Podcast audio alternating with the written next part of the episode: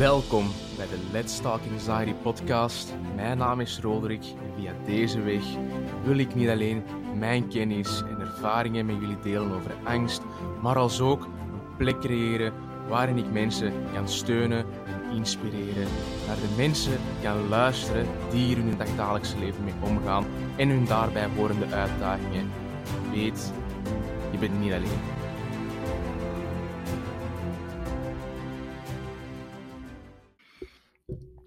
Welkom bij de vijftiende aflevering van de Let's Talk Anxiety podcast. Mijn naam is Roderick Dirks en ik apprecieer het dat je de tijd neemt om deze content te beluisteren. Elke zondag opnieuw met een nieuwe aflevering. Volg mij ook op Instagram voor de laatste nieuwe updates onder Roderick Dirks. Um, vandaag weer een iets kortere episode. Uh, ik probeer ja, ook zoveel mogelijk informatie uh, zoveel mogelijk te lezen en te verzamelen rond die topic. Om zo ook ja, nieuwe, interessantere content te maken voor jullie, de luisteraars en volgers. Nu, een paar maanden terug had ik met iemand uh, erover over het onderwerp waar deze aflevering uh, specifiek over gaat. En het, dat popte, dat, die, dat gesprek, dat popte eigenlijk deze week eigenlijk pas terug in mijn hoofd. Nu, uh, wat deze persoon zei was van, hoe ga ik ermee om? Of ja, hoe leg ik dat uit aan mijn partner, mijn vrienden of familie uh, over mijn angst, mijn anxiety, mijn paniekaanvallen. Um, en, en zo zijn er eigenlijk wel nog mensen die ik gesproken heb, die het wel moeilijk vinden om dat aan hun partner te vertellen, hun vriend of vriendin, over wat er eigenlijk aan het gebeuren is. En ja, dat, dat kan wel een beetje tricky zijn en voegt vaak ook nog meer angst toe aan iemand zijn leven. En ik dacht van, kom, laten we die topic vandaag ook ineens tackelen. Nu, het eerste wat je moet begrijpen is dat jullie beiden vastzitten met de waarom. jij, de persoon die lijdt onder anxiety, zit met het oké, waarom is dit aan het gebeuren met mij? Waarom haat de wereld mij? Waarom, waarom, waarom? En het idee hier is om zeker ervan zijn dat je voldoende kennis hebt over het onderwerp. Van oké, wat is nu juist anxiety? Wat is een paniekaanval? Hoe komt dat tot stand? Welke gedachten horen hierbij? Kennis hierin opbouwen gaat je zelfvertrouwen ook alleen maar boosten, opkrikken. En als ook je zenuwen verlichten, omdat je je angst veel beter gaat begrijpen. Ehm, wanneer het over je partner gaat, hetzelfde. Ook die waarom. Waarom gedraagt hij of zij zich zo? In de avond, waarom spreekt hij niet met mij? Wanneer dat wij uitgaan naar sociale gelegenheden, waarom spreekt hij niet met de mensen? Zoveel van die waarom ook, waar uw partner, vriend of vriendin ook over nadenkt. Nu, in eerste instantie is het belangrijk dat je duidelijkheid gaat scheppen. En je moet het gesprek aangaan. Dat is wel waar u uit uw... Ja, dat, is wel een beetje uit je comfortzone stappen. Um, als je echt geeft om deze persoon of personen als je die echt in je leven wilt hebben, dan moet je dat gesprek aangaan. En ook, je moet dat ook in detail, in specifiek detail, ook gaan uitleggen. Start van het perspectief dat hij of zij totaal niks weten over het onderwerp. En dat is misschien wel de veiligste manier. Doe alsof zij totaal niks van anxiety kennen. Niks van je eigen ervaring in je eigen leven. En wees daarin ook heel specifiek. Van oké, in de ochtend start ik mijn dag zo en daar zijn deze gedachten aan gelinkt. Op de middag, op het werk, bijvoorbeeld, creëert dat een sneeuwbaleffect naar dit aspect van mijn leven, of meerdere aspecten in mijn leven. In de avond heb ik uh, last van uh, paniekaanvallen.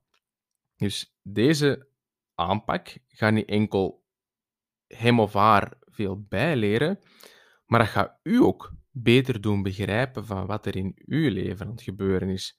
Dus begrijp dat ontwikkeling en educatie voor dit onderwerp heel belangrijk is. Nu, wanneer je dit aan het uitleggen bent, leg dan ook de, de, de drie golven van angst uit. Die voorkomen bij mensen die uh, angststoornissen hebben en paniekaanvallen. Nu, de eerste is uh, nieuwsgierigheid. Leg uit dat, dat, dat, het, dat, het proces, dat dit het proces is dat je nieuwsgierig bent naar wat, je, dat er eigenlijk aan het gebeuren is, wat je aan het voelen bent. Waar is dit symptoom? Wat is deze situatie? En je brein gaat dan ook terug naar waar je ervoor aan toe was. Uh, de eerste golf is dus nieuwsgierigheid. De tweede golf is het wat als denken. Wat als dit gebeurt? Wat als dat gebeurt? Uh, wat is er in het verleden gebeurd? En oh nee, deze is al eens een keer gebeurd en dat gaat nog eens gebeuren. Al die dingen. En uw brein valt dan ook in dat, in, in, in dat denkpatroon en, en dat is de tweede golf. De derde golf is dat je uh, gaat kijken naar oplossingen. En, en dat is ook wel een beetje een probleem. Want als je gaat zoeken naar oplossingen, is het dan ook vaak dat je angst, ook je anxiety ook erger wordt. Want je gaat je lichaam ook terug volpompen met meer adrenaline. Ga niet opeens plots uit het niks ineens naar uh, oplossingen gaan beginnen zoeken. Want uit, uit mijn specifieke ervaring heb ik gezien dat, dat ja, je, mensen nog heel snel gaan beginnen grijpen naar uh, medicatie om hun zenuwen beter onder controle te krijgen. Um, overmatig alcohol uh, gaan beginnen drinken, wiet gaan beginnen roken of, of whatever. Dat is een beetje gewoon, dat is gewoon het probleem gaan, gaan maskeren, gaan verbergen. En dat weten we allebei even goed.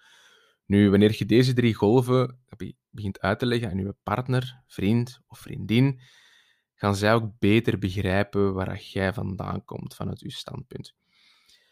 Uh, daarna is het belangrijk dat jullie uh, even, even samen zitten, even neerzitten en zien dat jullie elkaar kunnen vinden hierin beetje een gemeenschappelijke basis vinden. He, begin daarna samen te plannen. jullie toekomst een beetje. Wilt een paar dagen uit de week gaan nemen om samen te werken aan bijvoorbeeld de interne processen die je aan het doormaken bent, de patronen die ook gaan, die plaatsvinden. Wat kunnen wij samen doen? En als deze persoon werkelijk om u geeft, gaat hij wel het geduld hebben en de tijd ervoor nemen om hier samen ook door te komen. Ehm, het andere is samenwerken om ook ja, eh, goede gewoontes op te bouwen. Uh, plan die momenten om, om, om, om, om dingen samen te doen. Hè? Van oké, wanneer gaan we samen wandelen? Wanneer gaan wij samen sporten? Of, of, of iets anders. Al die dingen. Dus niet alleen de studeertijd samen om hier meer over te leren, maar ook de dingen beginnen plannen en ook gaan samenwerken als een team. Nu, uh, ik wil dat je deze aflevering deelt met mensen die hier ook ja, een waarde, meerwaarde uit kunnen halen. Want nogmaals, ga in de diepte om te vertellen wat je aan het doormaken bent. Ga niet op die persoon af en zeg van, hé, hey, ik heb angsten, hey, ik heb paniekaanvallen, this is my life, dit is hoe mijn leven is. Ga niet in de slachtofferrol kruipen of zo. Ga niet het slachtoffer uithangen.